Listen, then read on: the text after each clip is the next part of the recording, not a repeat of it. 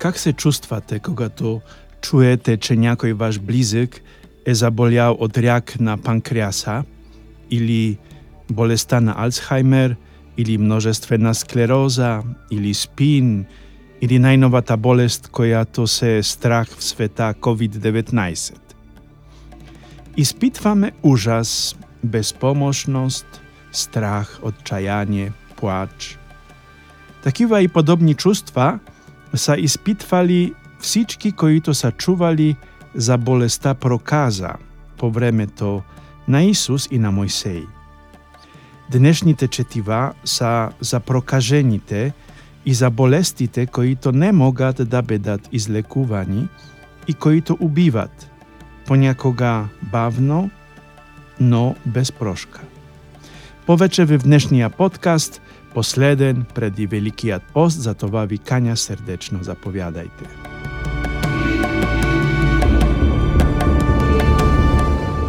Nazywam się ojciec Krzysztof, a jestem ojciec brat Kapucin, który to żyje w Austrii, żyje w Innsbruck i przez poslednie te dwie godziny zapisywam wsiaka sedmica podcasty z imię to na latinica ja mhm. Mm за да споделям мисли от неделните четива. Можете да намерите подкастите ми на полски, на български и на немски език под адреса я мхм една дума podbin.com. Сърдечно викания във всяка събота от 12 часа българско време ще намерите новия подкаст. Я м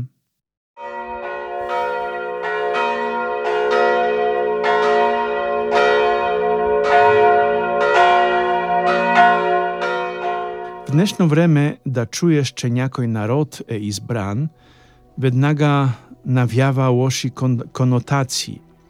Неотдавна ни се наложи да се занимаваме с такъв народ, живеещ отвъд западната граница на Полша. Знаем, че това е приключило с Втората световна война и световната катастрофа. В същото време обаче еврейският народ се нарича избран народ вече от повече от 4000 години – и никой не се възмущава от това. Нещо повече. Библията не оставя никакво съмнение, че това е вярно и че е така. Един съвременният е, хасидски евреин, е, религиозен, религиозни евреи се казват хасиди, ми обясни, че избраността на Израел се състои в това, че Израел е избран да спазва Тората – т.е. закон даден от Мойсей на израелската общност от името на Бога. Тората е допълнение към декалога, може да се каже, или обратното. Декалога намира се в цялата Тора. Съдържа поредица от заповеди и разпоредби, които Бог оставя на Израил, след като го извежда от египетското робство. Животът в съответствие Сестора регламентира не само религиозните практики, но и ежедневния начин на евреите, ежедневният живот на евреите. Неизлечима инфекциозна болест номер едно беше проказата. За това ни разказва първото четиво. Проказата е болест, която убива подобно на познатата ни напоследък COVID-19 – така че единственото спасение за общността на здравите хора е била пълната изолация на болните. Човек заразен с проказа е бил оставян сам или е бил събиран в общностите с други прокажени. Социалният происход нямаше значение. Крал, не крал, кралица, те са били извън общността – болният бил изхвърлен извън обществото. Прокажените са били живи мъртъвци. Те са били белязани от неизбежна смърт. Ето защо здравите хора се отнасяли толкова жестоко към прокажените и се страхували панически от тях, за да не се заразят и да умрат, защото от проказата нямало спасение. Днес проказата е лечима на всеки етап от развитието на болестта, Но още до средата на 20 век към прокажените са се отнасяли всички така, както пише Мойсей в закона на Тората. Възможно е да се излекува болен от проказа, както правят моите се братя капуцини в Мадагаскар, sanatorium narečen leprosorium, no izgubeni te odtazi bolest časti na tjało to, nikoga njama da poraz nad odnowu. Nije, oprzez to na XXI wiek i mamy swoja opicy straszna ta bolest COVID, koja to podobno e na prokaza ta, e pandemiczna po swoje charakter. Przez posledni te tri godziny COVID otne żywota na stoticy hiledi chora po sveta.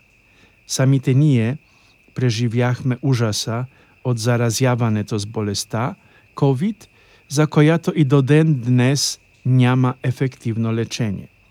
Търсихме спасение в ваксините, които не винаги действаха, но преди всичко търсехме спасение в изолацията, за да не ни зарази някой. Изпитахме чувствата, които са изпитвали хората, срещнали прокажен по пътя си. А сега си представете как трябва да се чувствал прокаженият човек, който независимост от происхода си е трябвало да остави всичко и всички и да се скрие от здравите хора, за да не бъде убит от страх някой да не се зарази от него. И ето, че отваряме Евангелието от днешната неделя и виждаме Исус как се навежда над прокажения. Сцената е трогателна и има много дълбоко измерение, защото показва нещо повече от среща между болен човек и лекар. Ако все още си спомняте това, което ви разказах преди малко за проказата и за съдбата на прокажените, би трябвало да се изненадате от поведението на прокаженият в Евангелието. Евангелистът пише, че не Исус се е приближил до прокажения, а прокаженият се е хвърлил на коленете пред Исус с молба за изцеление. Този болен човек нарушава абсолютно всички забрани на Тората и на общността, не само на Израил, но и на целия свят. Защото целия свят се отнасял към прокажените така, както евреите. Всеки, който би забелязал този болен човек сред живите, трябваше не само да предупреди общността, но и да направи всичко възможно, за да бъде убит този прокажения. И прокаженият беше наясно с това. Но също така е бил наясно, че вече е мъртъв, така че с Исус той може или да получи всичко, или да направи живота, който му е бил предназначен да направи. Но това, което наистина ме трогва е, че този болен човек идва не с искане да бъде излекуван. Той пита с голямо смирение. Господи, ако искаш, каза той, можеш да ме изцелиш. Този прокажен е наясно, че Исус е единственият, който има сила да му помогне. За това добавя Господи, изцели ме. Знаете, ли какво представлява тази сцена от днешното Евангелие? Тя ни показва какво се случва в изповедалнята, когато идвате да поискате от Бога прошка и освобождаване от последните грехове си. Защото днешната проказа е точно онзи грях, който нищо друго, освен Исус, не може да излекува. Наясно съм, че общността, сред която живея, не иска да чуе за греха. Да, хората обичат да слушат за това, че Исус е милостив, че прощава, само че не обичат да слушат твърде много за това каква е причината и източникът на тази милост. И за съжаление, не можете да излекувате някого от болест без правилна диагноза и без да установите причината за болестта, която ви убива.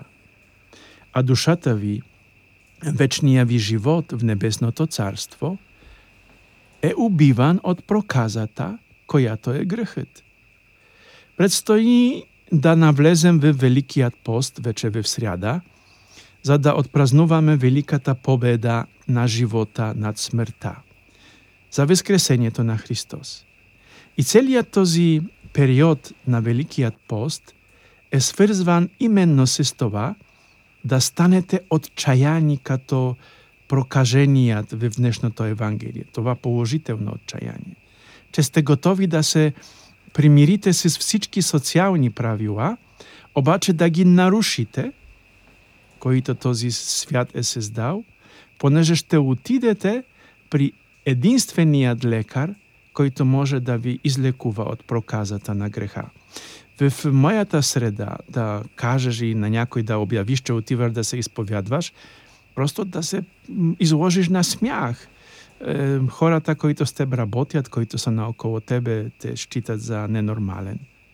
Ето, на това трябва да се подложите. Става дума за това да отидете при Исус Христос в таинството на помирение. Не става въпрос само за това да дойдеш в изповедалнята, защото можеш да се изповядваш навсякъде. Тук става за нещо друго. Става въпрос за цялостно отношение на прокажения. Той е смел и не се страхува да изложи живота си на риск в обществото, защото знае, че ще претендира сега, когато отиде при Исус, за нов живот, за нов шанс. Той знае, че Исус може да го излекува, но не знае дали ще иска да го излекува. Но той прокаженият вярва, че ще бъде чут. Исус не само, че го изцелява, но Исус му казва думи, които са много специални и предназначени само за него. Исус казва, искам, бъди очистен. Вижте, че не е прокаженият, който проявява инициативата. Той просто коленичи пред Исус. А той, Месията е този, който е инициатор на очистването. Също е и в изповедалнята. Не си мислете, че вие сте този, които дойдохте да изповядвате греховете си и да получавате прошка за това, защото просто сте дошли и заслужавате. Това не е така.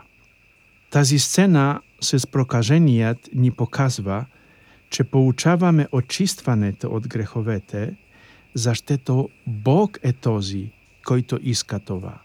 Мисля, че това е достатъчно. Направо Дух Светия Дух ме открадна и популнах с Него, защото сам не бих измислил това, което ви казах. Е, иска ми се тези думи да чуят много хора. В неделя ще проповядвам в няколко църкви и те ще бъдат също пълни, обаче тези хора дали ще чуят какво имам да, да им кажа, църквите ни са студени, както и въздух, алпийския въздух, който ни заобикаля. И тези бедни хора ще треперят от студ и за да се стоплят малко, ще се е, придвижват наляво, надясно и най-вероятно това слово ще им мине над главите. Но нека, братя и сестри, да имаме кураж – Светия Дух е нашата гаранция, Той ще ни води. Амин.